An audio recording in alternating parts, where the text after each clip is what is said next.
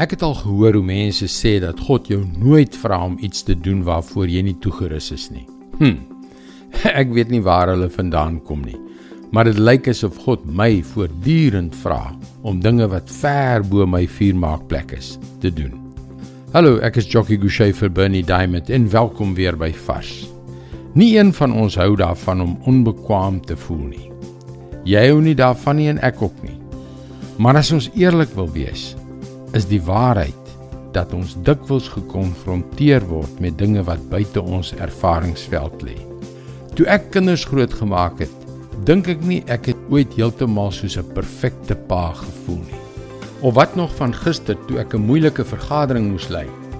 Ek het geweet dat daar konflik gaan wees. En hoewel my gawe een van leierskap is, het ek regtig nie geweet of ek die vaardigheid het om die mense in harmonie te laat funksioneer nie. Wat van jou? Wanneer laas het jy 'n bietjie onbekwaam vir 'n taak gevoel? Ek het al Christene hoor sê en miskien het jy dit ook al gehoor dat hulle sê dat ons nie dinge uit ons eie krag moet doen nie, maar in God se. Dit klink mooi, maar wat beteken dit eintlik en hoe is dit veronderstel om te werk?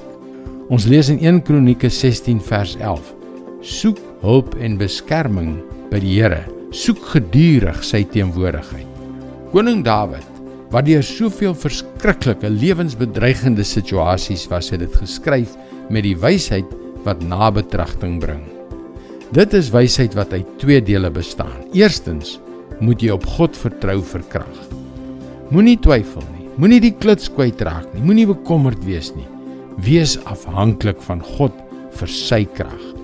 En tweedens, hoe kry jy sy krag? Deur altyd, het jy dit verstaan, altyd sy hulp te vra.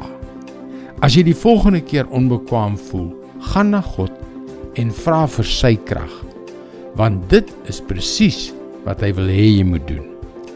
Dit is sy woord vars vir jou vandag. Dit is 'n kosbare waarheid, nê? Nee.